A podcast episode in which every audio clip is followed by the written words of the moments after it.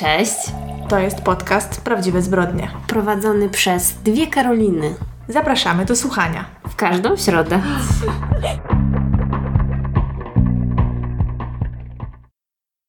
Witamy po świętach. Jak tam minął ten piękny świąteczny czas, słuchacze i Karolino? No, minął.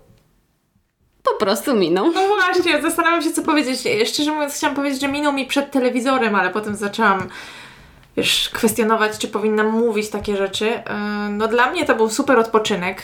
Yy, Wycisnęłam ten czas jak cytrynę, bo miałam tam wolno od czwartku, więc już w środę po prostu poszłam spać, wiesz, yy, o trzeciej, żeby, no po prostu nie chciałam iść spać, byłam tak szczęśliwa, że mam dwa dni wolnego. No ja też E, mam podobnie. Tak, że y, no po prostu nie mogłam, wiesz, się opanować.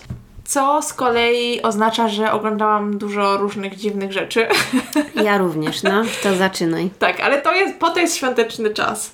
No i z racji tego, że zresztą pisałyśmy o tym, że bardzo brakowało mi kolejnego sezonu Selling Sunset, Selling Tampa albo jedne, jednego z, y, z takich programów, no to postanowiłam obejrzeć 20 Somethings Austin się nazywa. A to właśnie to tak myślałam, że możesz to Tak. przetestować, bo ja się trochę bałam tego oglądać. Przetestowałam, przetestowałam i jest to reality show o dwudziestokilkulatkach, jak sama nazwa wskazuje, którzy przeprowadzają się do Austin w poszukiwaniu siebie, tego co będą robić w przyszłości.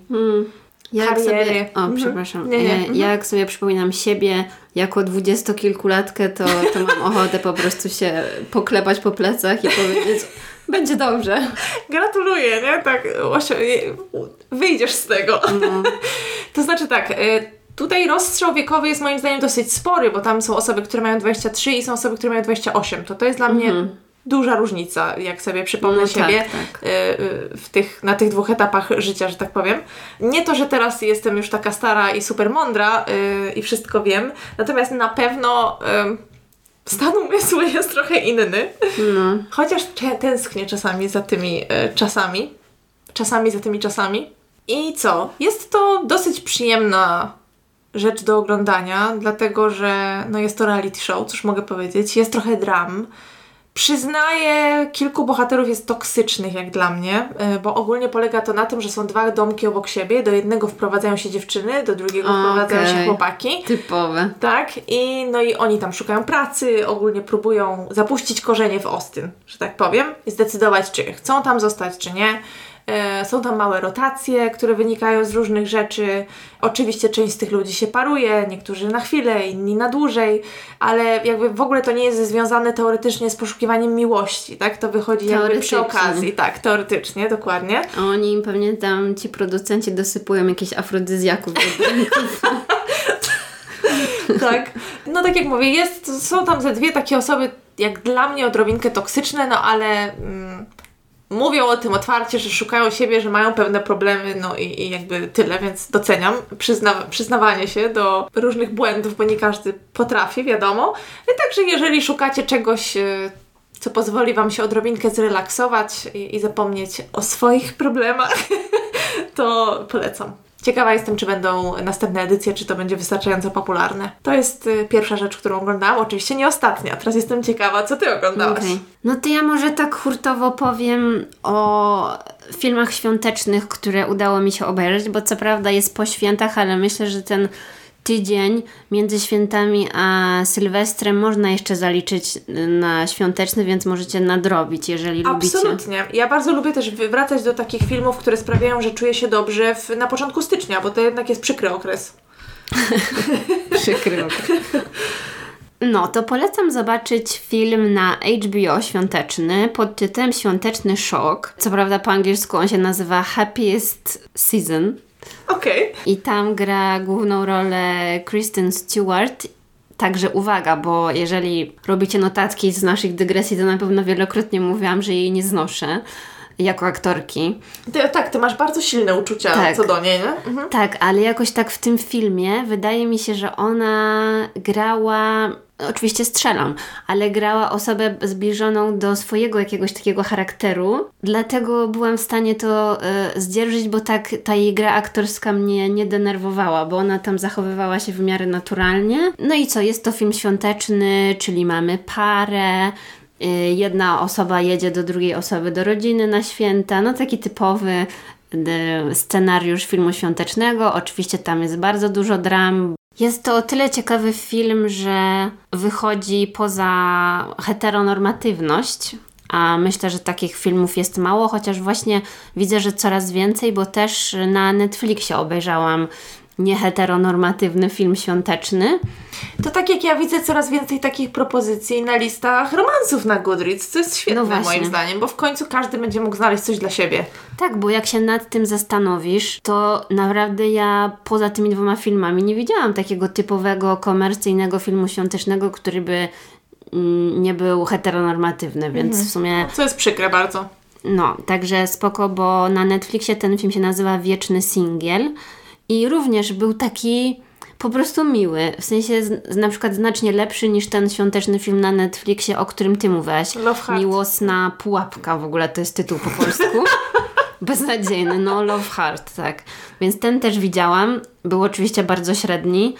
E, Powiedz, że zwróciłaś uwagę na to, że jest minus 10 chemii między bohaterami i to wszystkimi. Też, Tak, też, no. też tym i tym typem, co ją oszukiwał i tym, Tak. którym ona chciała się tam niby zakochać. Zero Jakby chemii. zero między kimkolwiek, no. tak, oni wszyscy się zachowywali jakby byli po prostu jakimś takim e, rodzeństwem młodszym, Tak, nie? tak, Wzajemnie. Ale No. scenariusz myślę nie był taki zły, no. No, no, no. I już nie w temacie filmów świątecznych, ale takiego totalnie gównianego filmu typu komedia romantyczna, to na Amazon Prime widziałam, nie wiem, czy to jest chyba ich produkcja. Totalnie gównianego filmu, no. Dobrze się zaczyna. Tak, film się nazywa Nie powiesz nikomu.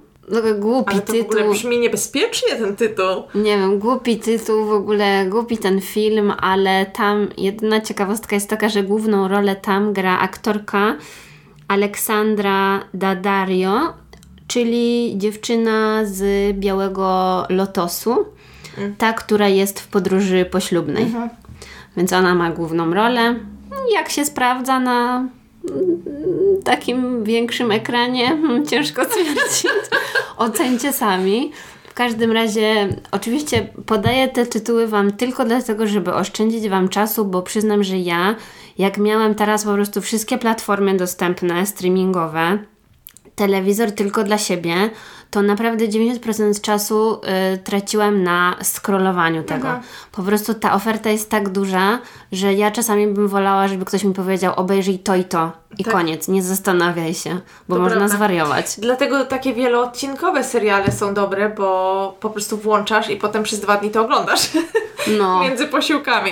Em, tak, no przyznaję, ja z jakiegoś powodu, bliżej mi nieznanego, zniechęciłam się do filmów świątecznych i postanowiłam ich nie oglądać w święta. Coś mi się przyłączyło w mózgu. Tak, byłam rebelem dokładnie i e, obejrzałam Wiedźmina oczywiście, jak obiecałam. okej. I oczywiście nie mogę z Tobą o tym porozmawiać, no bo Ty nie oglądałaś, wiem. Ale moja mama mówiła, że jest super Wiedźmin, także No właśnie- możesz z nią porozmawiać. Wiesz co, powiem Ci, że słyszałam sporo negatywnych głosów na temat tego drugiego sezonu i trochę rozumiem dlaczego, ale uważam, że dla osoby takiej jak ja i wielu innych, które lubią oglądać tego typu seriale fantazy, jest to nie najgorszy sezon. najgorszy. W sensie jakby chodzi mi o to, że mi się podobał. I wydaje mi się, że dla kogoś, kto się nie zna na tym świecie, nie No bo tam zły. jest chyba dużo takich też psychofanów, nie? Tak. Mm, związanych z całym tym światem, taki fandom. Tak, tak. I rozmawiałam też z koleżanką o tym, pozdrawiam Dorotę, yy, i ona też mówiła, że jej się podobał. I jakby nie zrozumcie, mnie- nie zrozumcie mnie źle, nie jest to najlepsze, co w życiu widziałam, ale szczerze, z tych wszystkich seriali fantazy, które wypuszcza Netflix i te inne platformy, naprawdę uważam, że jest to w porządku. Jedyne, co sobie zapisałam w notatkach, to to, że czasami mam wrażenie w porównaniu do pierwszego sezonu, że akcja idzie trochę zbyt wolno w tym drugim y, że trochę za długo wszystko rozwlekali. A tak poza tym naprawdę bardzo przyjemnie mi się wszystko oglądało. Oglądałam to z zainteresowaniem i nie nudziłam się. Tak jak poza jakimiś tam momentami, tak jak mówiłam. E, Jestem ciekawa, co Wy macie do powiedzenia. E, Osoby takie jak ja, które nie są specjalistami, e, jeżeli chodzi o Wiedźmina i też ci z Was, który, którzy tą e, sagę kochają i znają ją bardzo dobrze. Także czekam na Wasze wiadomości i komentarze w tej kwestii. A masz dostęp do Amazon Prime? Tak. No to myślę, że powinnaś obejrzeć ten Koło czasu? koło czasu, tak. Również próbowałam go oglądać. Nie podoba mi się w ogóle. A, okej. Uważam, że jest tandetny, efekty są śmieszne. I niestety, no, no nie podoba mi się, naprawdę. Jakoś i aktorzy grają jakoś tak dziwnie, z kilkoma wyjątkami. No, no nie, nie jest to Nie, ja bym się za to nie brała, bo ja tego gatunku za bardzo nie lubię, ale myślałam, że dla Ciebie to by było idealne. Wiesz co, nie przypomnę sobie dokładnie teraz ile odcinków obejrzałam. Wydaje mi się, że cztery. Cztery Aha, albo sporo. pięć, tak. Ale niestety nie jest, chyba nie jest dla mnie po prostu. Jeśli chodzi o filmy, to widziałam jeden, który myślę wiele z Was widziało, dlatego że wyszedł e, na Netflixie 24 grudnia. To już chyba wiem, co chcesz powiedzieć. Oczywiście, że tak. Mam, jestem pewna, że Ty oglądałaś albo masz zamiar. E, I film nazywa się Don't Look Up. Mhm. Ja tylko chciałam powiedzieć, że strasznie mnie to rozbawiło, że widziałam na Instagramie w relacjach, że po prostu chyba wszyscy ze swoimi Wszyscy. rodzinami oglądali to 25 grudnia. Tak. Bo wiadomo, że w Wigilię jakoś u mnie nie było takiego klimatu, żeby oglądać film, ale następnego dnia oglądałam to tak z moją mamą i z moją ciocią. A to ja 26 oglądałam wczoraj. No. A, I próbowałyśmy namówić babcię, żeby to oglądała, ale moja babcia czasami słucha, więc nie wiem. Pozdrawiamy. E, pozdrawiamy. W każdym razie moja babcia była tak negatywnie nastawiona do tego filmu. Mówiła, że to jakieś głupoty oglądacie, nie chcę tego oglądać i poszła spać. Także to chyba nie jest film dla babci. Nie dla, każ- nie dla każdego No. widocznie, tak. E, to znaczy tak, ja wbrew temu, co słyszałam, mi się ten film podobał. Uważam, że cały budżet e, wepchnęli jednak niestety w obsadę, e, zapominając o wielu innych aspektach. No, obsada naprawdę Oscarowa, także domyślam się, że oni liczą na jakieś nominacje tylko z tego względu. Tak. Film był kiczowaty, czegoś takiego się spodziewałam. Myślę, że to było z premedytacją w taki sposób zrobione.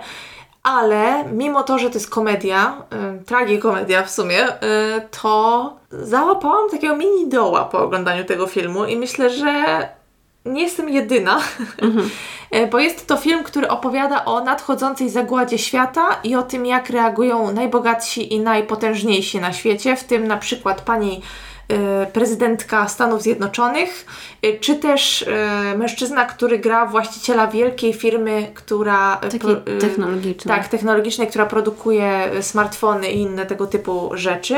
I jak tacy ludzie zachowują się w obliczu możliwości wzbogacenia się cudzym nieszczęściem. Mhm. Myślę, tak mogę to określić. No, no dobrze, myślę, to określiłaś. Tam jeszcze też główną rolę, można powiedzieć, grają media społecznościowe, Tak. czego ja przyznam nie lubię. Nie lubię widzieć tego naszego współczesnego świata pokazanego tak w filmie, że te wszystkie jakieś takie lajki, wiadomości okienka, nie? Pokazują się na Mhm. ekranie. Strasznie dla mnie to jest taki cringe. W sensie rozumiem, że może nie da się za bardzo tego inaczej pokazać, ale te wszystkie udawanie takiego wrzucania relacji, wiesz, jakichś live streamów, relacji na Instagramie czy coś tam. Dla mnie to jest za duży cringe. Być może po prostu ja obstawiam, że za 50 lat lepiej takie rzeczy będzie się oglądało, a teraz będąc w tym i jeszcze widząc to, jakoś dla mnie to jest nie. To znaczy, ja lubię ten aspekt tych wiadomości, jak ludzie ze sobą piszą w filmach, że się tam pojawia, co sobie piszą, nie wiem dlaczego mi się to podoba, chociaż jest to trochę takie ki- kiczowate. Ja nie. Ale bardzo mi przeszkadzały te momenty, kiedy były te takie okienka wyskakujące, jak tam ludzie udostępniali jakieś No, rzeczy albo no. wrzucali. Ja dostaję oczopląsu w takich momentach Mhm. i można moim zdaniem to przedstawić mniej dosłownie, tak sądzę, niż nakładające się na siebie okienka na ekranie przez minutę. Ale z drugiej strony na pewno takie było zamierzenie tych twórców właśnie, bo tak naprawdę to odzwierciedla sytuację, w jakiej się znajdujemy, Mhm. nie? Że dostajesz tego oczopląsu na co dzień, masz przesyt tych informacji, Jesteś przy- treści tak i tak dalej. Mhm. Ale ja nie lubię tego oglądać, bo ja pamiętam tak było na studiach, znaczy sorry, to jest po prostu dygresja 1500... yy, W każdym razie pamiętam, że podobnie było na moich studiach, bo ja studiowałam kulturoznawstwo. Ile to już było tam z 10, ponad 10 lat temu. I wiesz, nagle wszyscy zaczęli mówić o Facebooku na moich tych studiach, że mm, Facebook to, Facebook tamto, a Facebook to jest takie, nie wiem, analiza Facebooka tego, analiza Facebooka srego, nie? I ja po prostu na tych wszystkich zajęciach tak się myślę, nie no dajcie spokój z tym Facebookiem, naprawdę musimy cały czas o tym gadać. Ale rozumiem, że oni wszyscy byli na bieżąco, wiesz o co chodzi. To jest to samo w tych filmach. Niestety jakby... No musi tak być pewnie. Jest to za duża część naszego życia, żeby pominąć to w e, serialach, czy filmach, czy książkach. No tak jak mówię, po obejrzeniu tego filmu poczułam się jakoś tak niebezpiecznie. No rozumiem. Ja powiem, że nie zachwycił mnie zupełnie ten film, ale właśnie przez to, że ja takiej tematyki nie lubię. Filmy katastroficzne to jest jedna sprawa. Tutaj mi się mega Myślę, że dużą, nie wiem, nie czytałam o tym, ale obstawiam, że dużą inspirację tutaj mogli czerpać z melancholii La- Larsa von Triera, bo tam jest właściwie końcówka taka sama. Tak. Więc ten taki aspekt. To był film swoją no drogą. właśnie, O, więc matko, wolałabym no. coś takiego, nie? Jeżeli Tylko, że to inny gatunek jest, nie? No, a to był taki właśnie bardziej pod Netflix, Mhm. pod taką popkulturkę. Tak, no właśnie, ja broń Boże nie traktuję tego filmu jako coś, na co, na co poszłabym do kina i się zachwycała. To jest dla mnie zupełnie inna kategoria. To jest dobry film, tele, znaczy dobry, film telewizyjny, Taki rozrywkowy, Tak, nie? tak. Dla, żeby obejrzeć w sumie tam z rodzinką, czy tam z kimś. Ale może Pogadać. komuś da do myślenia, ja No. nie wiem. No. Zwłaszcza świetnie zostało pokazane yy, to hasło, przy, czyli tytuł filmu Don't Look Up, nie patrz Mhm, w górę i yy, może niektórym, na przykład antyszczepionkowcom, Mm. da coś do myślenia. Tam naprawdę wszystko było takie trafne, nie? Tak, Tylko tak, tak. zależy może kto to ogląda, bo dla mnie przez to, że to było tak naprawdę jeden do jeden pokazanie tego, co się dzieje w Stanach, na przykład w związku z polityką, to dla mnie to było banalne. Ale bardzo mi się podobała Jennifer Lawrence, ja jestem jej fanką. Przepraszam, muszę to powiedzieć. Ja jestem jej wielką fanką wszędzie indziej. Na początku tego filmu podobała mi się bardzo. Im bliżej było końca, tym mniej mi się podobała. Tak? Tym mniej ją kupowałam w Mhm. tej roli, że tak powiem. Bo na początku, jak ona wpada w ten szał i tak dalej, to, to te sceny były super, moim zdaniem. A niestety potem im dalej w las, jakoś tym mniej mi się podobała i błagam, niech mi ktoś wytłumaczy. Dlaczego przyczepili Timothy'emu Chalamet, czy jakoś tam nazywa? Włosy. Włosy, o co chodzi? Jakby, Płetwa. co się tam podziało? I wiesz, co sobie zapisałam na telefonie oglądając to? Że cały budżet poszedł na aktorów i już po prostu im na fryzjera zabrakło i wygląda to tak, jakby on sobie to, nie wiem, jakoś sam przykleił po prostu do głowy. O co chodzi? Po co to było? Jakby nie mogli mu już peruki założyć jakieś dobre, jeżeli chcieli, żeby miał długie włosy koniecznie? W każdym razie podsumowując, nie jest to coś, nad czym bym się zachwycała, natomiast oglądało mi się dobrze i myślę, że i tak są ludzie, którzy powinni to zobaczyć, niezależnie od tego, jak banalne Jasne, jest, tak no. samo jak And Just Like That. Dokładnie. Jakby, że po prostu są tematy, może wiesz, dla nas to jest oczywiste, ale może dla innych ludzi nie. Także jakby zawsze spoko poruszać tematy ważne, wzbudzające refleksje. No jak widać, można o tym filmie dyskutować, o jego tym przesłaniu wyższym i tak dalej. No więc... i o złych fryzurach w filmie. No, także w sumie fajnie, że, że to się pojawiło akurat w święta, bo widziałam, że bardzo dużo osób się zainteresowało i teraz w sumie to przeżywa dalej, nie? Mhm. Także dobry pomysł z tym. Czy coś nam jeszcze zostało do omówienia, jeżeli chodzi o filmy i seriale? No więc jeżeli robimy dzisiaj taką wypasioną dygresję, żeby nadrobić za to, że historia będzie tylko jedna, to mogę jeszcze dodać, że ostatnio wzięłam sobie za zadanie obejrzeć serial Wielka na HBO, bo naprawdę ostatnio słyszałam tyle zachwytów, zwłaszcza w moim najwspanialszym podcaście na świecie, czyli My Favorite Murder, zachwalały i pierwszy sezon, i drugi sezon, Właśnie i że to jest tak wspaniale napisane i coś tam, i taka świetna komedia, i na na na. Przepraszam, się wcześniej wtrąciłam e, z ekscytacji. Tak właśnie od pierwszego sezonu e, słyszałam bardzo dużo, wiele, e, do, bardzo dużo, Bardzo dużo wiele dobrych słyszałam bardzo dużo dobrego i do tej pory jakimś cudem tego nie obejrzałam, choć jest to serial kostiumowy. To jest No. zbrodnia przeciwko mnie samej. Właśnie dziwię się, że ty o tym nie mówiłaś i ogólnie dziwię się, że w Polsce przyznam, że mało na temat tego serialu słyszałam. W sensie nikt tam na, nie wiem, Instagramie, kogo followuje, czy tam na stronach różnych, jakie obserwuję z jakimiś tam recenzjami. E, nie widziałam zbyt dużo zachwytów, zwłaszcza, że ostatnio była premiera tego drugiego sezonu. W każdym razie powiem w skrócie, że jest to, jak mówiła Karolina, serial kostiumowy, który opowiada, tak oczywiście jest bardzo luźno związany z prawdziwą historią, Katarzyny II Wielkiej, która jest grana przez Elle Fanning i ona tam wychodzi za mąż za cesarza Rosji, który jest grany przez Nikolasa Holta, czyli e, chłopca zbył sobie chłopiec. Tak, y, no ja przyznam tutaj bez wstydu, że miałam epizod bycia zakochaną w nim, jak grał w Skinsach, jak miałam 16 lat. No, on jest fajny, ale Czy tam 17, już nie pamiętam. Ale słuchajcie, bardzo dziwna sprawa jest taka, że ja, jak mówię, wzięłam sobie to za zadanie głęboko do serca, że teraz oglądam ten serial, mam czas, mojego chłopaka nie ma w domu, bo on jakbym tylko to włączyła, to by zaraz zaczął marudzić.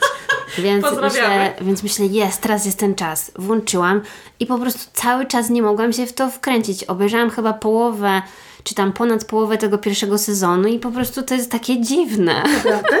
W sensie, ja rozumiem, że to. Rozumiem całą tę e, konwencję, bo to jest bardzo mocno czarny humor. Bardzo specyficzny. Tam nie ma takiej jako takiej zwykłej fabuły. Wszystko to, co tam się dzieje, jest po prostu jakieś takie ironiczne, przerysowane. Widziałam, że postać, którą gra Nikolas też jest bardzo taka bezwzględna, w taki humorystyczny, Tak. czarno-humorystyczny sposób. Tak, i tam nie masz za bardzo jak się z tymi bohaterami związać emocjonalnie, bo wszystko to, co się dzieje, to jest jakaś jedna wielka taka, wiesz, satyra. I wydaje mi się, że to chyba trzeba po prostu oglądać, kiedy masz, nie wiem, tam przerwę na ciasteczko czy coś takiego. I chcesz na chwilę się pośmiać, bo to nie jest serial, który da się obejrzeć ciągiem według mnie, no bo mnie aż tak bardzo komedie jako takie nie fascynują. W sensie rozumiem, że można to docenić pod względem tego, jak to jest napisane humorystycznie i tak dalej, ale mnie to nie rusza, nie? Nie, nie chwyta mnie to za serce w żadnym wypadku. No To jest tak, strasznie bo jeżeli absurdalne. nie kibicujesz No. bohaterom, no. to po co masz oglądać następny odcinek? No, no właśnie, więc tego mi brakowało, bo cały czas miałam ten wolny czas, miałam determinację, żeby to obejrzeć i cały czas pauzowałam, bo coś tam poszłam zrobić, tak jakoś mi się nie chce, no wiesz. Mhm. To Dlatego nie jest dobry znak. dla mnie to jest trochę dziwne. Jestem ciekawa, czy ktoś tutaj jest fanem i może mi powiedzieć, e, co, co na ten temat myśli, bo ja miałam właśnie problem, a bardzo chciałam, żeby mi się to spodobało. Rozumiem. No ciekawe, może ja w końcu też się kiedyś zabiorę, to sobie podyskutujemy. Tak jak o Don't Look Up Today. Y, today. Tutaj. Dobra, już mam spięcie w mózgu i w ten sposób przechodzimy do części głównej naszej dygresji, czyli do naszego klubu książki. Dajcie znać, kto przeczytał z nami książkę w tym tygodniu, w tym miesiącu w zasadzie. E, I w tym miesiącu czytałyśmy książkę, Nataszy Treadway, Memorial Drive, Wspomnienia córki. Tak, ja mogę zacząć, jeśli pozwolisz, Okej. od rzeczy najważniejszej, że jest to książka, jak dla mnie, po prostu bardzo poruszająca. Zgadzam się, jest. Ja większość tej książki przeczytałam ze łzami w oczach, może nie płacząc, ale na takim głębokim wzruszeniu. Yy, wielokrotnie stały mi łzy w oczach. I było to chwilami dla mnie takie, że chciałam przestać czytać czasami. Mhm. To może w skrócie, dla tych, co nie czytali, ale może bez, e, s- chociaż nie. Nie powiem bez spoilerów, bo jakby to jest No prawdziwe właśnie, życie. Tutaj się nie da nie zrobić spoilerów, bo to jakby od pierwszej strony wiadomo o co chodzi w tej książce. Tak, więc y, zacznijmy od tego, że Natasha Treadway, ona zdobyła nagrodę Pulitzera z poezji. Tak, ona jest poetką. Mhm. Więc jest no naprawdę ten sposób, w jaki ona pisze, bardzo trafia, myślę, tak właśnie w serce. Tak, i to jest moc tej książki, tak myślę, jeżeli chodzi o ten ładunek emocjonalny oczywiście. I ona w tej książce tak naprawdę przeprowadza jakąś, nie wiem, autoterapię, czy po prostu próbuje poradzić sobie z traumą śmierci jej matki, Tak. bo jej matka została zamordowana przez jej byłe matki, byłego męża właściwie. Tak, czyli to był y, ojczym Nataszy. Jej mama zginęła, kiedy Natasza miała 19 lat, czyli była bardzo młodą osobą. Y, miała też wtedy młodszego brata, który był sporo od niej młodszy i to był właśnie syn tego ojczyma i jej matki. I zgadzam się z Tobą, że jest to jakaś taka autoterapia. Ja też to tak odebrałam. Czytając, miałam też wrażenie, że ona w jakiś sposób próbuje po pierwsze poradzić sobie z traumą, to na pewno, która miała miejsce dekady wcześniej. Tak, bo to zdarzenie było w 85 roku, a książka powstała chyba w języku angielskim parę lat temu. Tak, i podkreśla też w książce wielokrotnie, że pisze ją na etapie życia, w którym żyje dłużej bez matki niż z matką. To też bardzo mnie poruszało za każdym razem, jak ona o tym wspomina. Ale też czytając to mam wrażenie, że ona w jakiś sposób tą, swoje, te, te, tą swoją relację z mamą próbuje jakoś tak oczyścić i tą mamę tak sobie odebrać z powrotem, wiesz, żeby, żeby ją odzyskać jakoś, o, w ten sposób. Żeby to się Może nie być, kojarzyło może tylko z tą e, traumą i z tą straszną rzeczą, która się stała. No bo e, nie wiem, czy pamiętasz, że ona w tej książce wielokrotnie wspomina też o tym, jak unikała miejsc, jakkolwiek związanych z tą zbrodnią, z tamtą sytuacją i tak dalej, prawda? Tak, właśnie ciekawe bardzo jest to, że proces y, pisania tej książki e, rozpoczął się właściwie przez zupełny przypadek, bo ona w 2005 roku została zaczepiona przez jakiegoś mężczyznę w restauracji. ten mężczyzna widział ją ostatni raz 20 lat wcześniej, jakoś ją skojarzył. Tak, na komisariacie. Po, po, po, on był w ogóle, tam w książce chyba było napisane, że to była pierwsza osoba, która dotarła na miejsce zbrodni. Tak, więc on jako pierwszy widział jej matkę zamordowaną tam na tej scenie zbrodni. I jako, że minęło te 20 lat, no to całe akta tej sprawy były z tego urzędu usuwane, powiedzmy. Więc to był zupełnie jakiś taki zbieg okoliczności, że on akurat w tym momencie ją spotkał i postanowił, powiedział, że ta sprawa oczywiście e, gnębi go przez całe życie, że nie ma dnia, kiedy o jej matce nie myśli. I postanowił jej to pudełko ze całą dokumentacją sprawy, ze wszystkimi dowodami i tak dalej przekazać jej. Co w ogóle jakby nigdy by się nie wydarzyło, gdyby się nie spotkali przypadkiem w tej restauracji. Tak. A że ona była już wtedy pisarką, zresztą w sumie chyba przez całe życie definiowała siebie jako pisarka i poetka, no to jeżeli osoba, która się zajmuje pisaniem, dostaje coś takiego, jakby taką po prostu puszkę Pandory, nie? Jeszcze pełną wspomnień i traumy, no to wiadomo, że jedyne co może z tym zrobić, no to to przepisać, bo jakby przepracowanie tej sprawy to jest właściwie pisanie dla niej. Więc tak. bardzo ciekawe. I ona właśnie pięknie e, swoją drogą pisze e, w, o tym, jak pisanie towarzyszyło jej od najmłodszych lat, prawda? Jak bardzo się tym pasjonowała, jak literatura i mitologia były obecne w jej domu od, odkąd była małą dziewczynką, bo oboje jej rodzice studiowali kierunki związane z literaturą, prawda? I też bardzo ciekawie na początku książki opowiada o dorastaniu e, w Mississippi w, w czarnej społeczności, ale była dzieckiem białego mężczyzny i czarnej kobiety. Na, I to wszystko miało miejsce, kiedy działy się zmiany w mhm. społeczeństwie, tak? Kiedy ludzie cały czas walczyli o, o równe prawa, o koniec segregacji. Mimo to, że oczywiście prawo już w tamtym momencie zabraniało segregacji rasowej, no to niestety nadal był to realny problem w tamtym społeczeństwie. To znaczy na pewno jeszcze było wiele kwestii niewyjaśnionych, bo jej rodzice, oni musieli się przenieść do Ohio, żeby wziąć ślub, bo tak. właśnie w Mississippi um, zawieranie małżeństw, jak to się brzydko mówi, mieszanych rasowo było um, niedozwolone, prawda? Tak, tak, tak. Także na pewno dorastała y, w bardzo ciekawych czasach. Sama zresztą opisywała, jak jej ojciec był taki troszkę, no był białym facetem, więc wiadomo, że jemu było łatwiej z zasady. Opowiadała, że mama uczyła jej zupełnie innych rzeczy niż ojciec, czyli mama raczej starała się nauczyć ją przetrwać w tamtym świecie, na który przyszła i w tamtej sytuacji, prawda? I jednak e, starała się ją przestrzegać przed różnymi rzeczami. No, bardzo to ciekawe było e, w, w tej książce. No tak, tylko tak naprawdę z tym ojcem ona zbyt dużo czasu nie spędziła, bo jednak, jeżeli dobrze pamiętam, to chyba oni spędzili razem jakieś 6 lat, a potem z matką przeniosła się do Atlanty, co było jeszcze chyba bardziej ciekawe i znaczące dla jej takiego połączenia się z, z tą kulturą afroamerykańską, bo w, w roku 72 przeprowadziły się z matką do tej Atlanty i wtedy to też było takie chyba bardzo przełomowe, bo to miasto właściwie stało się taką kolebką kultury Afroamerykanów i wtedy ona weszła w tą transformację, zaczęła chodzić do szkoły, w której uczono o tym, co kiedyś było tak naprawdę wymazane z historii Stanów Zjednoczonych, także jeszcze też gdzieś tam pisali w różnych recenzjach, że ta książka ma takie bardzo powolne tempo, że rozwija się bardzo spokojnie po to, żeby, jak to tam u mnie na Kindle było pokazane, w 70 dopiero procentach całej tej treści zadać taki najmocniejszy cios, no nie? Tak. I właśnie dlatego mówię o tym, bo myślę, że cały ten początek jest bardziej skupiony wokół tej e, kultury Afroamerykanów i sytuacji jej na tyle różnych problemów rasowych, no nie? Tak, i też w jakiej sytuacji była jej mama, mam wrażenie, kiedy no. ona była dzieckiem i potem, kiedy dorastała, jej matka próbowała jakoś tam nawigować przez życie. W zasadzie jako samotny rodzic, można powiedzieć, bo ojciec Nataszy mieszkał gdzieś indziej, prawda? Tak, no a potem jeszcze wchodzimy y, niestety w część, którą można by nazwać y, po prostu przemocowym związkiem, w tak. jaki weszła jej matka. No i to jest y, masakra.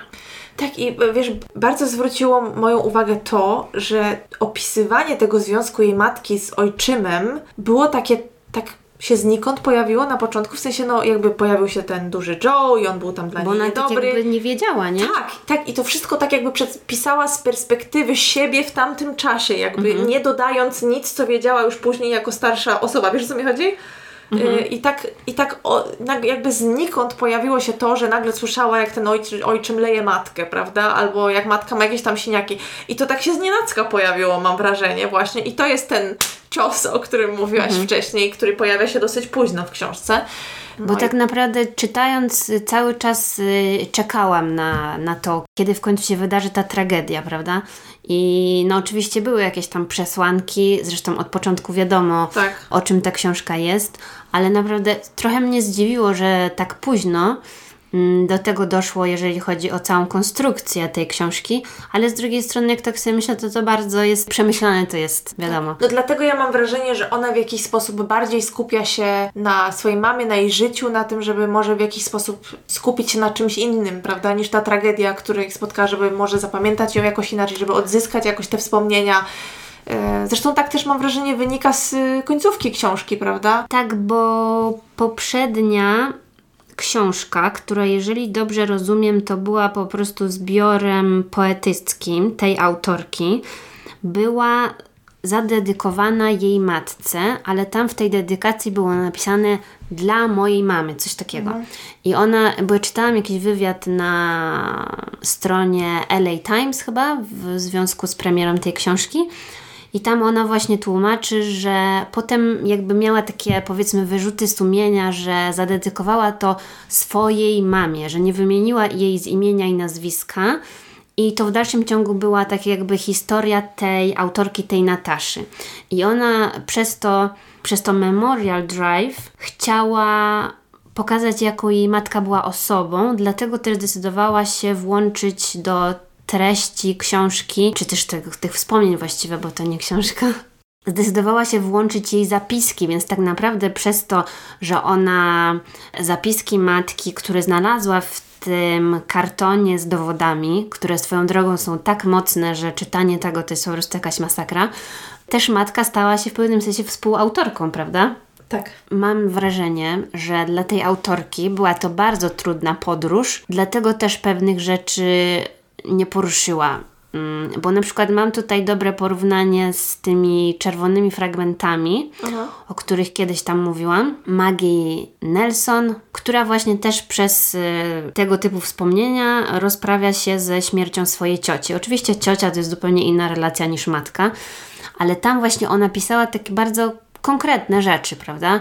A tutaj widzę, większość jest, pozostaje w tych niedopowiedzeniach troszeczkę, nie? Tak, tak. Ona właśnie mam wrażenie skupia się w tej książce na tym, jak ona widziała swoją mamę, jak ona by chciała ją zapamiętać i co pamięta z jej życia, prawda?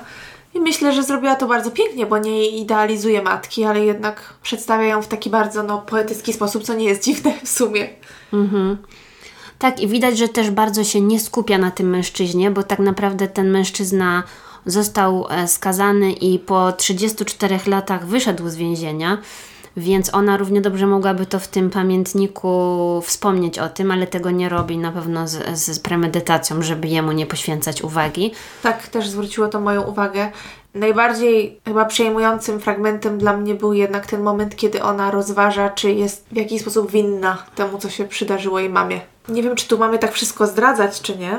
No, zakładam, że jeżeli słuchacie do tej pory, no to przeczytaliście książkę.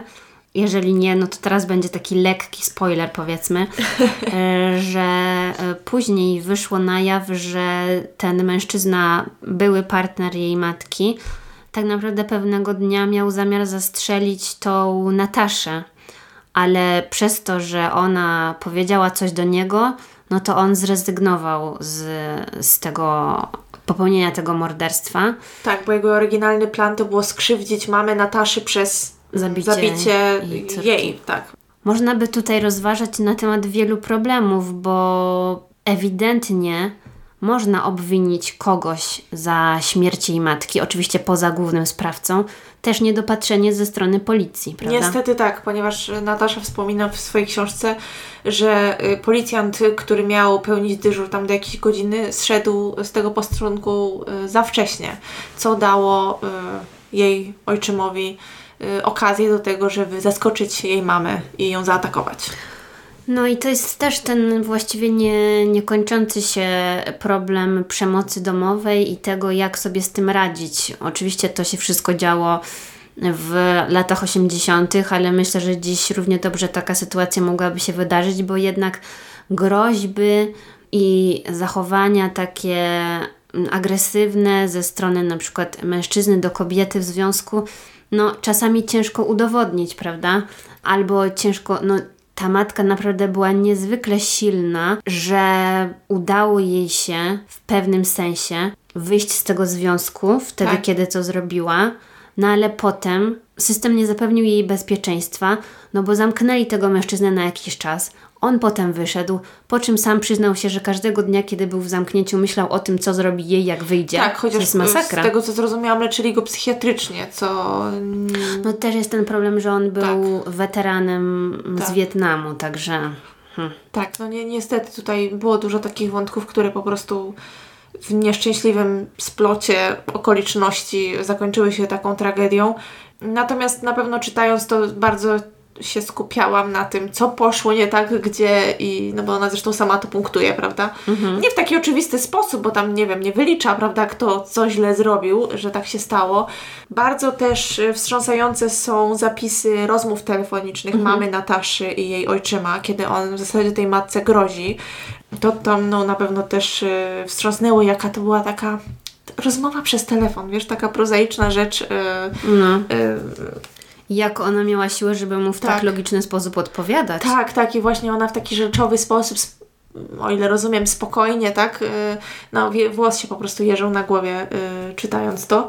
Y, także bardzo poruszająca książka. No na pewno bardzo trudna lektura, bo też przyznam, że jakoś, zwłaszcza, że ja ją czytałam praktycznie kilka dni temu, no to mhm. jednak w tym okresie świątecznym kiedy nie mam do końca ochoty na tak ciężkie tematy, przez to, że się no krótko mówiąc, zobowiązałyśmy, żeby o tym tak. teraz powiedzieć, no to czułam, że po prostu muszę to zrobić, ale nie wiem, gdyby nie to zobowiązanie, to wydaje mi się, żebym sobie to zostawiła na trochę inny czas. Na kiedy indziej. No było to, było to trudne, bo na pewno nie jest to przyjemna lektura, natomiast na pewno jest napisana w bardzo piękny sposób.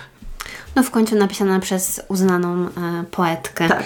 Także jesteśmy bardzo ciekawe, co Wy na ten temat e, sądzicie, jak to odebraliście. A jeżeli tym zachęciłyśmy Was do przeczytania, no to, no to też dobrze. Link oczywiście wrzucimy po raz ostatni do tej książki w opisie, no i w następnym odcinku wrócimy do Was, y, mam nadzieję, z kolejnym tytułem na kolejny klub książki. Jeżeli macie jakieś y, propozycje, to dawajcie znać. Tak, więc dzisiaj usłyszycie jedną historię i mamy też takie krótkie ogłoszenie, że za tydzień odcinka nie będzie, ponieważ postanowiłyśmy zrobić sobie noworoczną przerwę. Tak, czyli piątego odcinek się nie ukaże, natomiast ukaże się 12 stycznia. Także do zobaczenia. I szampańskiej zabawy. Tak. Ja dziś opowiem historię kobiety, która nazywała się Dorothy Puente. Być może część z Was już ją zna, bo wiem, że swoimi działaniami kryminalnymi zasłynęła. Ona miała wygląd uroczej, starszej babuni, jednak okazała się być seryjną morderczynią. Babcią z piekła rodem. Dokładnie. Była też nazywana gospodynią domu śmierci. Będę na nią mówić Dorothy. Ona urodziła się jako Dorothy Helen Gray 9 stycznia 29 roku w mieście Redlands w Kalifornii.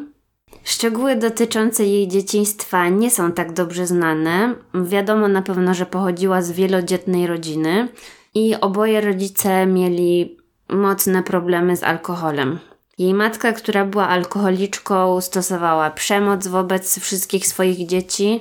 Dorabiała też jako pracownica seksualna i zmarła w wypadku samochodowym, kiedy Dorothy miała 10 lat. Z kolei jej ojciec zmarł jeszcze wcześniej, na gruźlicę, kiedy Dorothy miała lat 8. I on również miał liczne problemy, na pewno też problemy psychiczne, bo na przykład czasami przystawiał sobie pistolet do głowy i groził, że się zabije na oczach wszystkich swoich dzieci. Także ciężkie dzieciństwo miała za sobą. Po śmierci rodziców ich dzieci zostały sierotami, więc tułały się po różnych rodzinach zastępczych, też mieszkały u jakichś tam krewnych, ale nie była to oczywiście żadna stabilna sytuacja. Więc kiedy Dorothy skończyła 16 lat, postanowiła pójść w świat i zacząć radzić sobie sama. Początkowo zamieszkała w Olimpii w stanie Waszyngton i poszła w ślady matki, bo również została pracownicą seksualną. Szybko znalazła sobie męża. Jej pierwszym mężem był Fred McFall.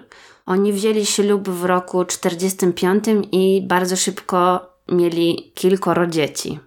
Ile dokładnie to chyba raczej nie wiadomo, zwłaszcza, że Dorothy nie zajmowała się wychowaniem tych dzieci, bo jedno oddała krewnym, a drugie do adopcji. Ich małżeństwo nie było udane i nie trwało długo. Podobno w 1948 roku Fred złożył wniosek o rozwód. Po rozstaniu z mężem Dorothy wróciła w swoje rodzinne strony, to znaczy do Kalifornii. No i ona miała wtedy dopiero 19 lat, a tak naprawdę już tak dużo za sobą. No i zapewne znowu nie miała żadnych środków do życia i nie wiedziała, jak sobie poradzić. I podobno właśnie wtedy rozpoczęła swoją kryminalną karierę, zaczynając od podrabiania czeków. Została złapana na gorącym uczynku i oskarżona o oszustwo. W związku z tym spędziła 4 miesiące w więzieniu. Wypuszczono ją na wolność warunkowo. Więc miała stawiać się na spotkaniach u swojego kuratora, ale zamiast to zrobić, po prostu uciekła z miasta. Okej. Okay. Tym razem wybrała kierunek San Francisco i tam również wzięła ślub kilka lat później, bo w 1952 roku z mężczyzną, który nazywał się Axel Bren Johansson. Niestety ten związek również nie należał do udanych. Podobno Dorothy już wtedy miała problemy z alkoholem i z hazardem. Jak twierdził jej mąż, była nieobliczalna. No ale jakby od razu nasuwa się też taki komentarz, że to on powiedział, prawda? Mhm. I to była jego wersja wydarzeń, a jej wersji wydarzeń z tamtych czasów no po prostu nie znamy. Przy okazji jednego incydentu Dorothy podobno zaproponowała jakiemuś tam mężczyźnie seks. Z tego co rozumiem, to musiał być mężczyzna, który przyszedł gdzieś tam do ich domu. Więc jak ten jej mąż zobaczył, co ona wyprawia, to postanowił zgłosić ją do szpitala psychiatrycznego, bo okazało się, że ten mężczyzna to był policyjny tajniak. Okej, okay. no to miała pecha. Mhm. I jak widać, historia jej życia, którą teraz opowiadam, pisana jest głównie przez związki z mężczyznami, jakie miała, czy też wizyty w szpitalach albo przestępstwa. No i rozumiem, że dlatego głównie te fakty pozostały, no bo można je odszukać w jakichś archiwach, prawda?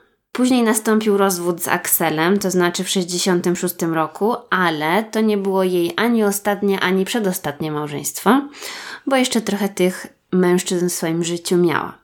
W 68 poślubiła pana Roberto Puente, ale tylko na półtora roku. Mimo wszystko zachowała jego nazwisko właściwie do końca życia, także. Spodobało jej się. Może jej nazwisko po prostu jej się spodobało. Mąż numer cztery to był Pedro Montalvo, ale on podobno porzucił ją zaledwie tydzień po ślubie. Jesteśmy teraz w momencie, w którym Dorothy ma 40 lat. Jest doświadczona swoim życiem, postanawia uwolnić się od tych wszystkich swoich mężów i otwiera swój pierwszy pensjonat. Tylko ten pensjonat można nazwać internatem, można nazwać jakimś takim ośrodkiem opiekuńczo-wychowawczym. I to było w latach 70. w mieście Sacramento. Ciężko mi znaleźć taki polski odpowiednik tego, co ona właściwie prowadziła, no bo z jednej strony ona nie była osobą, która jest jakoś tam wyspecjalizowana, nie skończyła żadnych studiów ani, nie wiem, tam kursów z opieki socjalnej, ale jakby prowadziła no, taki przytułek dla osób, które potrzebowały miejsca do życia i dodatkowo miała z tego profity, jakby z tej opieki socjalnej. Mhm. No więc y, mieszkańcami jej domu miały być osoby poszkodowane, potrzebujące specjalnej pomocy, na przykład alkoholicy, narkomani, osoby chore psychiczne czy osoby starsze, więc myślę, że to jest bardzo trudne przedsięwzięcie, żeby w ogóle coś takiego zrobić. No i właśnie w związku z tym współpracowała z opieką społeczną, bo oni przypuszczam, że mieli jakąś taką bazę właśnie takich miejsc i odpowiednie osoby właśnie w jej kierunku wysyłali. I tutaj pojawia się wiele pytań, bo ja nie wiem, czy ktoś w ogóle sprawdził jakąś jej, wiesz, historię, bo tak naprawdę miała już na swoim koncie jakieś wykroczenia. No ale cóż, to były lata 70. Może stwierdzili, że się nawróciła i chce pomóc ludzkości i tak dalej. Spoko. Z tego co rozumiem, Dorothy próbowała żyć normalnie, ale cały czas coś jednak ściągało ją na tą drogę zła. W końcu została złapana na podpisywaniu czeków z takim jakby zasiłkiem socjalnym, które przychodziły pocztą na jej adres, ale były zaadresowane właśnie na te osoby jej podopiecznych, Mhm. powiedzmy, nie? Więc ona te czeki ich przechwytywała. Mhm. Czyli miała lepkie rączki. No, dokładnie. Albo jakiś taki, wiesz, sen o potędze, nie wiem.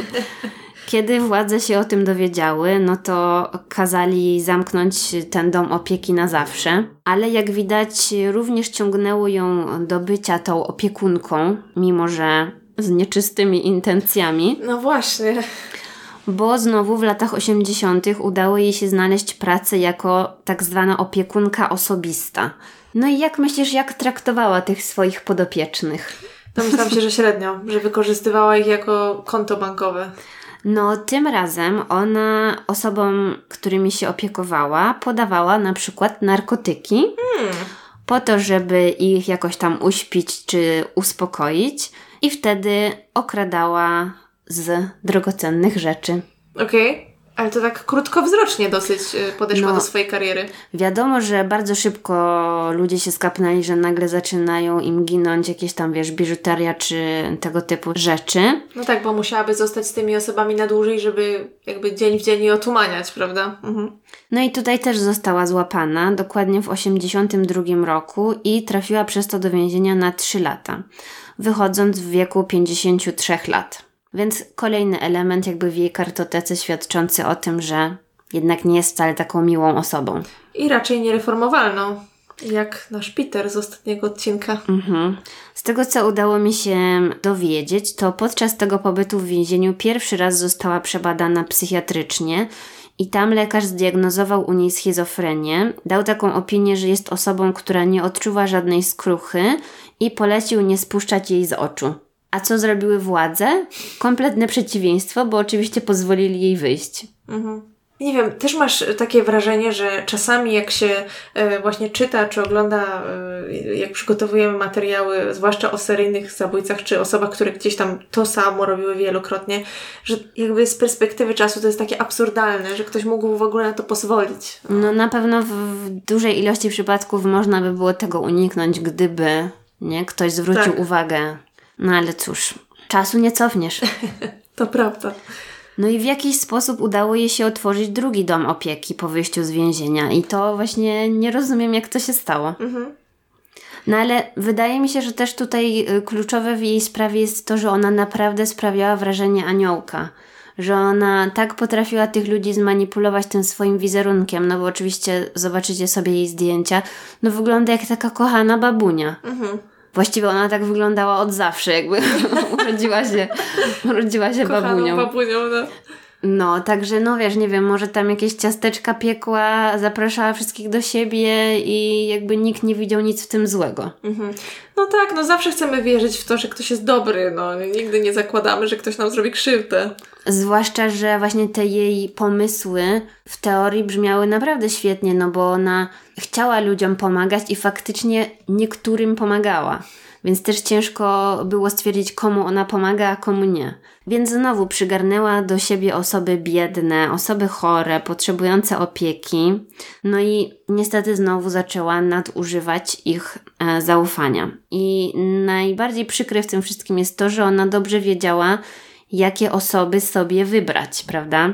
Bo osoby, które nie mają rodzin, nikogo właściwie, kto by mógł się o nich konkretnie zatroszczyć, no to są idealnymi ofiarami, no bo jeżeli znikną, no to nikt nie będzie ich szukać. To jest ta sama sytuacja, co te dwie panie, co mordowały bezdomnych, Mhm, no no właśnie. opisując im pomoc. No.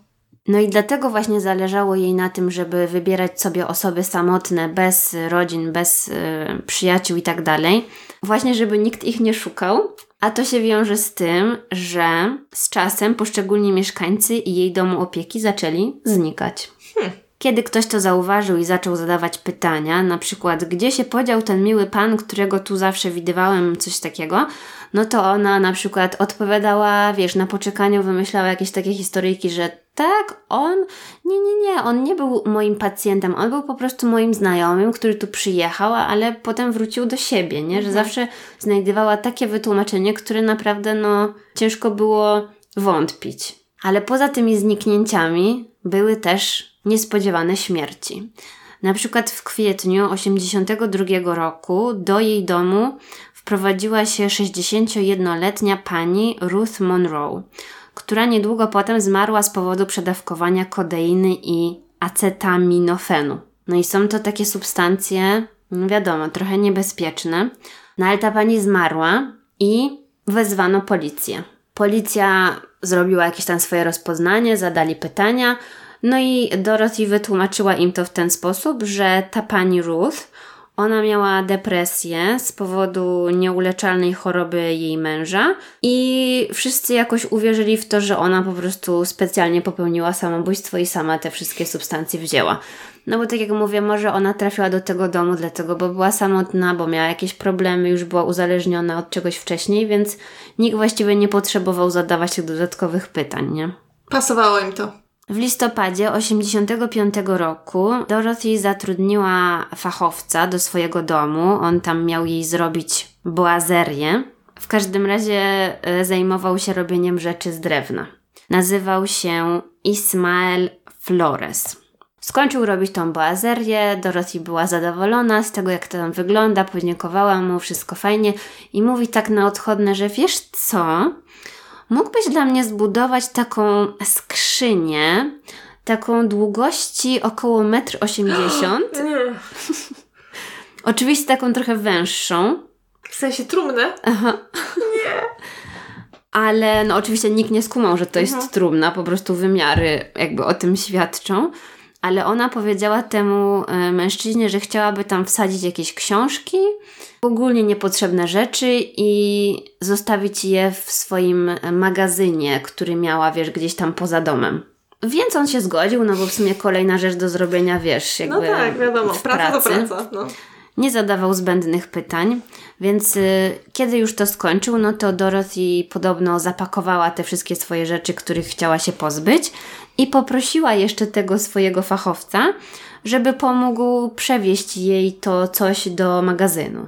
No, zakładam, że może miał taki duży samochód, że wiesz, zmieściłoby mu się jakaś tak. dwumetrowa skrzynia tam. No i jakoś to musiał przywieźć, domyślam się. Mhm. No ale nagle po drodze Dorothy kazała mu się zatrzymać, kiedy jechali już tym samochodem. No i to było tuż przy brzegu rzeki. I Dorothy kazała temu mężczyźnie wyrzucić tą skrzynię do rzeki. Co to za pomysł? To nie była ona geniuszem zbrodni. On się zgodził, też właściwie nie wiem dlaczego, no ale może stwierdził, że pani płaci, pani. Mhm. W, nie wiem, jak to się tam mówi, wymaga.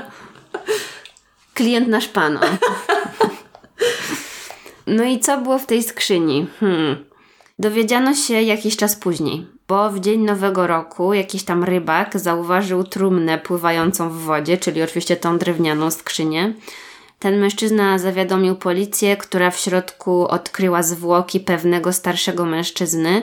Niestety na początku nie byli w stanie go zidentyfikować i dopiero dowiedzieli się, kto to tak naprawdę jest po trzech latach. Także do tego jeszcze wrócimy. No ale to świadczyło o tym, że raczej to była osoba, której po prostu nikt nie szukał i nikt właściwie nie zauważył, że zniknęła. Ale w okolicy pojawiły się już plotki, że Dorothy prowadzi jakiś taki szemrany ten dom opieki, więc inspektor Departamentu Opieki Społecznej przyszedł tam do niej, żeby przeprowadzić kontrolę i dowiedzieć się, czy w tych plotkach właściwie jest coś prawdziwego. I ten inspektor wiedział, że Dorothy była wcześniej skazana, że ma jakąś tam kartotekę kryminalną, więc teoretycznie powinien wiedzieć, jak się w stosunku do niej zachować i czego się można po niej spodziewać. Ale kiedy przyszedł i porozmawiał z nią, to musiała go tak zabajerować, że stwierdził, że te oskarżenia są bezpodstawne, nie zauważył tam żadnych nieprawidłowości i na tym się skończyło. Wszystko jest świetnie. Mhm. Ale w roku 88 jednak ktoś e, w końcu zainteresował się osobami mieszkającymi w domu Dorothy, a konkretniej mężczyzną, który nazywał się Alvaro Montoya, który w wielu źródłach nazywany jest Bertem, ale to jest ta sama osoba, więc być może miał jakiś taki pseudonim. On miał 51 lat i był właśnie lokatorem domu Dorothy. Wcześniej był osobą bezdomną, zmagał się z problemami psychicznymi i został skierowany do domu opieki Dorothy właśnie przez przedstawicielkę opieki społecznej. Jego sprawą zajmowała się pani Judy Moyes, która była wolontariuszką w jednej z takich właśnie organizacji społecznych i ona pamiętała o jego istnieniu, w sensie on był tak jakby jednym z jej klientów. Mhm. I ona regularnie go odwiedzała, miała z nim spotkania i w domu Dorothy on miał swój pokój, miał dach nad głową i początkowo z tego powodu się bardzo cieszył. Z czasem jednak zaczął coś mówić o tym, że chciałby opuścić ten dom, coś mu się zaczęło tam nie podobać, ale początkowo ta pani z opieki społecznej Judy myślała, że po prostu jest to osoba z problemami i już z pewnymi swoimi przyzwyczajeniami i może po prostu skorzystał chwilowo z pomocy, ale chce iść dalej, wiesz, w swoją drogę. Ale postanowiła sprawę monitorować. Zaniepokoiła się, kiedy nie miała od niego żadnego znaku życia przez dłuższy czas. Dokładniej to było od sierpnia 88 roku. I w końcu poszła do domu Dorothy, żeby się spotkać z tym mężczyzną czy zapytać o niego. Dorothy oczywiście miała na to swoje wyjaśnienie. Mówiła, że on wyjechał do swojej rodziny do innego stanu i że no po prostu tyle, nie? Mhm. Ale domyślam się, że to się nie zgadzało z tym, co ta pani Judy wiedziała na jego temat i postanowiła, że nie odpuści.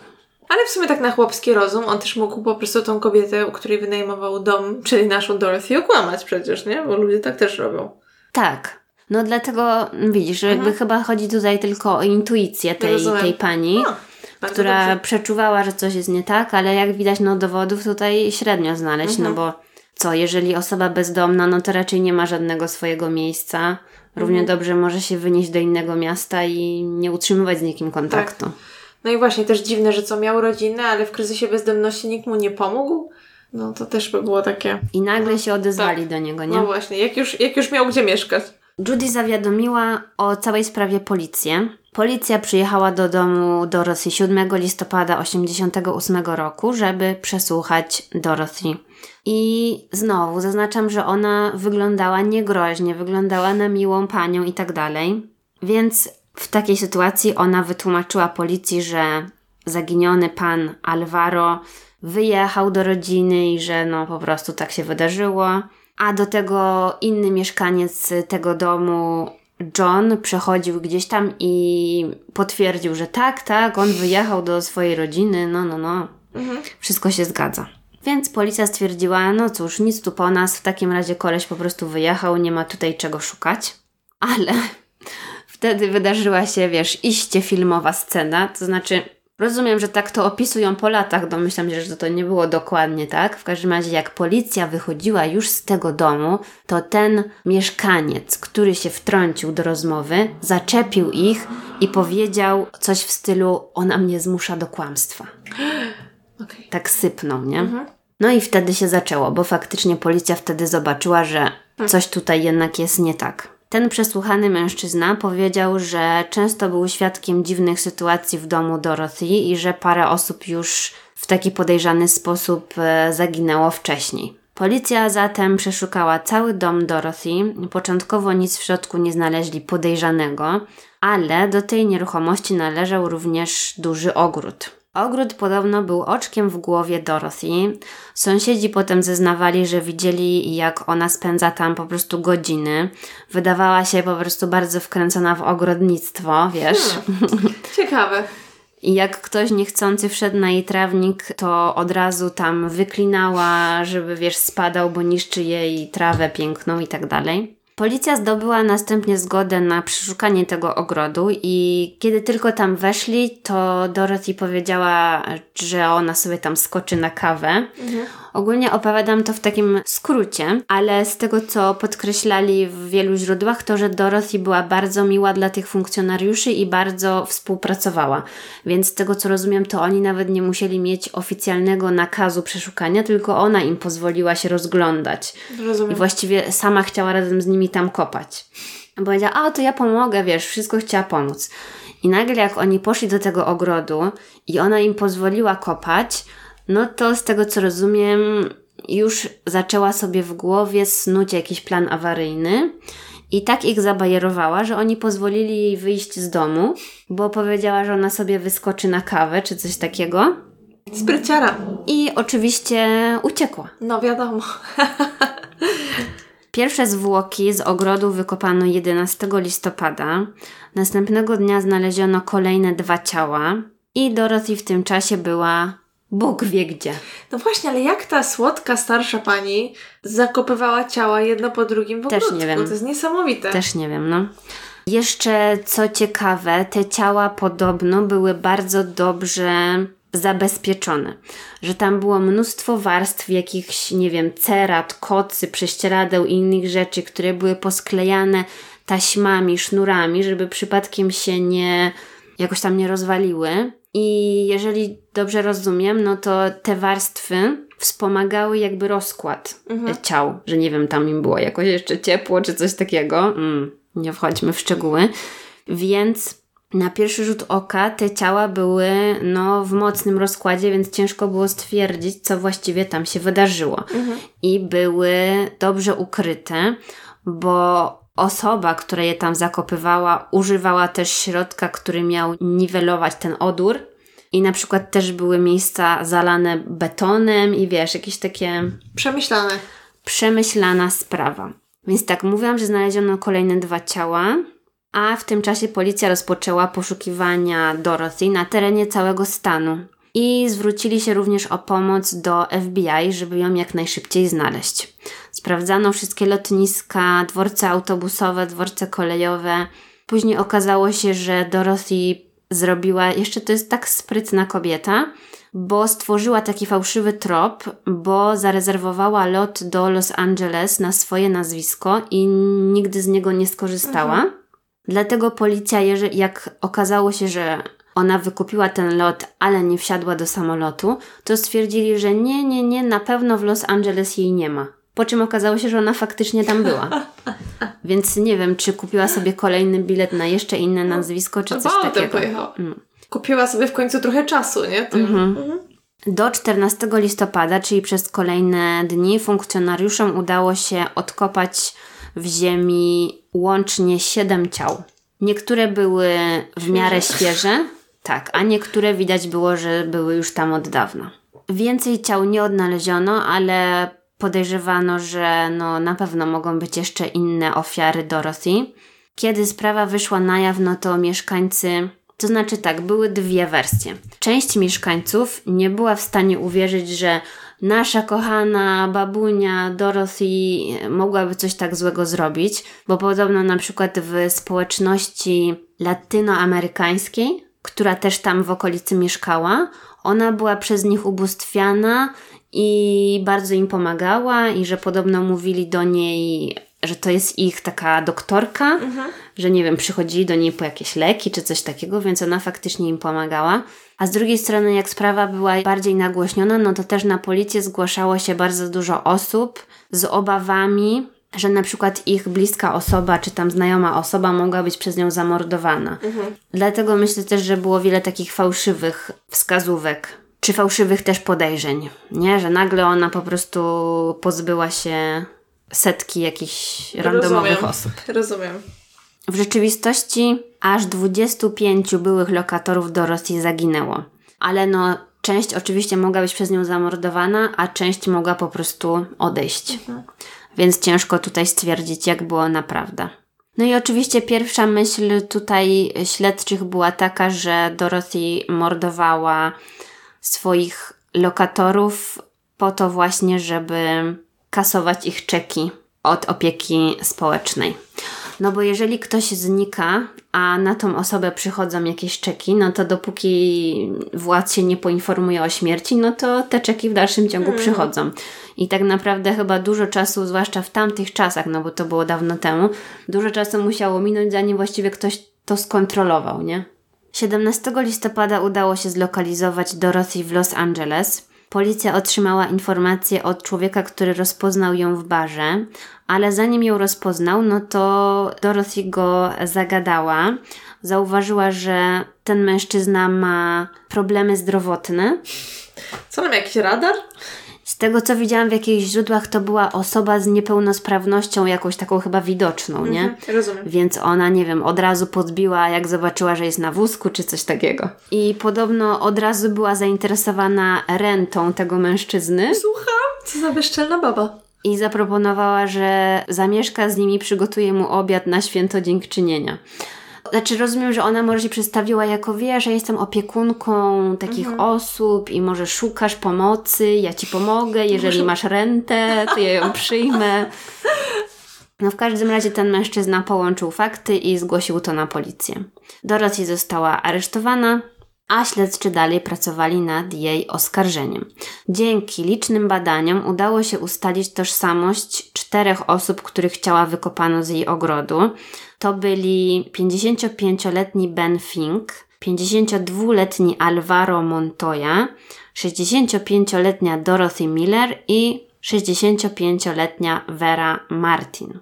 Ale sprawca, no czyli Dorothy, utrudniał tutaj zadanie śledczym, no bo podobno we wszystkich tych zwłokach brakowało zębów. W sensie mieli bardzo duże problemy z opcjami, jakby tutaj te osoby zidentyfikować, no bo właśnie brakowało zębów i ciała były już w tak mocnym rozkładzie, że wszystkie te inne elementy, no takie jak odciski palców czy coś takiego, no to wiadomo, że już dawno tego nie było. Później do jej oskarżenia dodano jeszcze jedną ofiarę, czyli tego mężczyznę, który był w drewnianej skrzyni wrzucony do rzeki w 1986 roku. Udało się ustalić, że we wszystkich siedmiu ciałach znalezionych w ziemi w ogrodzie było bardzo duże stężenie leku flurazepam, czyli takiej substancji mocno odurzającej. Policja znalazła później dziesiątki recept na ten e, środek w dokumentach e, należących do Dorothy. I te recepty były wypisywane przez e, wielu lekarzy. I gdyby to była jakaś niewielka ilość, no to można by było zrozumieć, że ona go używała na swoje potrzeby, albo jakiś jej tam lokator tego używał, tak? Ale jeżeli widać było, że ona ewidentnie chodzi do dziesiątek lekarzy i prosi o wypisanie jednego leku, no to znaczy, że to było już coś podejrzanego. Policja odkryła również, że Dorothy zrealizowała ponad 60 czeków z tych zasiłków, które nie należały do niej, a w jej domu znaleziono w gotówce ponad 3000 dolarów. Jak na tamte czasy to na pewno było dużo. A co na to wszystko nasza babcia? Ona upierała się przed dziennikarzami, że nikogo nie zabiła i że ona mówiła o sobie, że jest dobrą osobą. Aha, okej.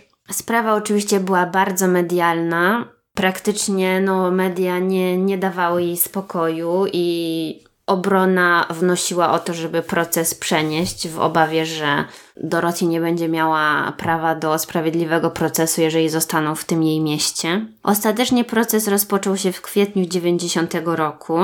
Oczywiście prokuratura przedstawiła Dorothy jako osobę chciwą i bezwzględną, i jako seryjną morderczynię.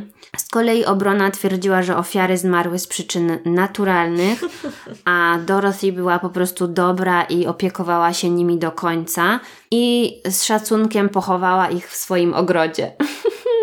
No przepraszam, że się śmieję, ale to jest chyba żart. Nie no, kto by myślił taką... No ale na poparcie swojej tezy właśnie powołali mnóstwo świadków, którzy zeznawali na jej jakby dobre imię. No bo tak jak mówię, ona w części tej społeczności była bardzo lubiana. Mhm. Następnie zeznali psycholodzy, którzy przebadali Dorothy podczas aresztu.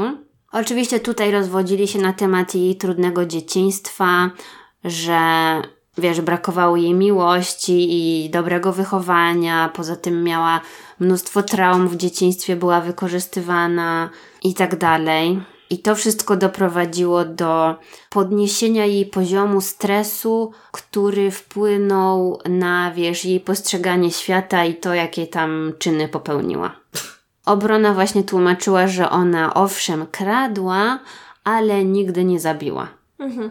Z kolei prokurator powołał na świadków ponad 130 osób, także tam te przesłuchania musiały bardzo długo trwać.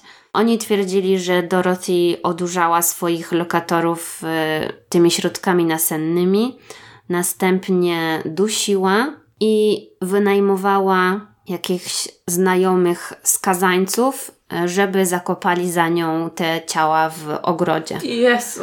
No bo właśnie dla mnie to też było zastanawiające, czy ona faktycznie by miała siłę tak mhm. ten ogród przekopywać. Więc oni twierdzili, że musiała mieć jakąś pomoc od osób, którym zapłaciła, które już miały na pieńku z prawem i po prostu dało się je przekupić. Prokuratorzy też twierdzili, że za te wszystkie swoje oszustwa czekowe zdobyła 87 tysięcy dolarów i że wydała je między innymi na lifting twarzy. Miała swoje priorytety. Mhm. Dorothy, jak mówiłam, nie przyznała się do zarzutów i myślę, że mógł być problem z oceną tej sytuacji, ponieważ patolodzy stwierdzili, że nie są w stanie podać przyczyny śmierci mhm. wszystkich tych siedmiu ciał, dlatego że właśnie no już nastąpił zbyt duży rozkład i mogli tam sobie, wiesz, gdybać, ale nikt nie mógł jasno powiedzieć, to była przyczyna śmierci. Mhm. Dlatego ława przysięgłych nie mogła długo dojść do porozumienia w tej sprawie. Dni mijały, oni tam siedzieli w tym swoim pokoju, zastanawiali się, co zrobić, i ostatecznie 2 sierpnia sędzia otrzymał notatkę od ławy przysięgłych, że jesteśmy w impasie i prosimy o dalsze instrukcje. Mhm. Czyli po prostu nie mogli dojść do porozumienia, nie wiedzieli, co mają dalej zrobić. No i tutaj nastąpiła groźba właściwie unieważnienia tego procesu. Jeżeli oni by nie doszli do porozumienia, no to wszystko by poszło na marne. Sędzia podobno porozmawiał tam z nimi, udzielił im instrukcji i dzięki temu oni byli w stanie dojść do porozumienia, ale tylko w przypadku kilku ofiar, nie mhm. wszystkich. Uznali, że Dorothy jest winna morderstwa drugiego stopnia Leony Carpenter oraz winna morderstwa pierwszego stopnia Dorothy Miller i Bena Finka. Czyli było raz drugiego stopnia, dwa razy pierwszego stopnia. Pozostałych zarzutów nie byli w stanie ustalić, a tak naprawdę to wystarczyło, żeby ją skazać, więc już to porzucili. Co oczywiście na pewno było uciążliwe dla rodzin osób, o których była mowa, no ale już tutaj nie dało się tego ustalić, bo było za mało przekonujących dowodów. Sędzia postanowił, że Dorothy otrzyma wyrok dożywocia bez możliwości zwolnienia warunkowego, za dwa morderstwa pierwszego stopnia oraz równocześnie wyrok 15 lat za morderstwo drugiego stopnia. No i tym samym Dorothy spędziła resztę swojego życia w więzieniu. Ale, ale co pożyła to jej. Tak, ale do końca twierdziła, że jest niewinna oczywiście. I że była świetną opiekunką i że wiesz, chciała tylko dobrze dla tych osób, którymi się opiekowała. Zmarła w więzieniu mm, z przyczyn naturalnych w wieku 82 lat w roku 2011. I jeszcze dodam taką ciekawostkę, że jak szukałam coś tam z jej imienia i nazwiska w internecie, to pojawiła mi się książka w Empiku z jej przepisami. Co prawda jest niedostępna, ale myślę, że jak się poszuka w internecie, to można znaleźć przepisy z więzienia, wiesz, po prostu jakiś absurd. Jeszcze karierę e, rozpoczęła, no cóż, no przynajmniej nie siedziała bezczynnie.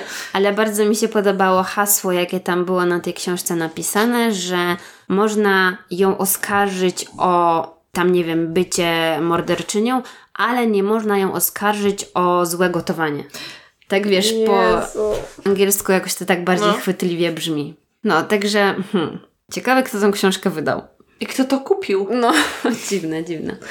No więc oczywiście życzymy Wam szampańskiej zabawy i bezpiecznej. Tak, bawcie się dobrze, wypijcie nasze zdrowie, a my wasze. Tak. I do usłyszenia w nowym roku. Do usłyszenia.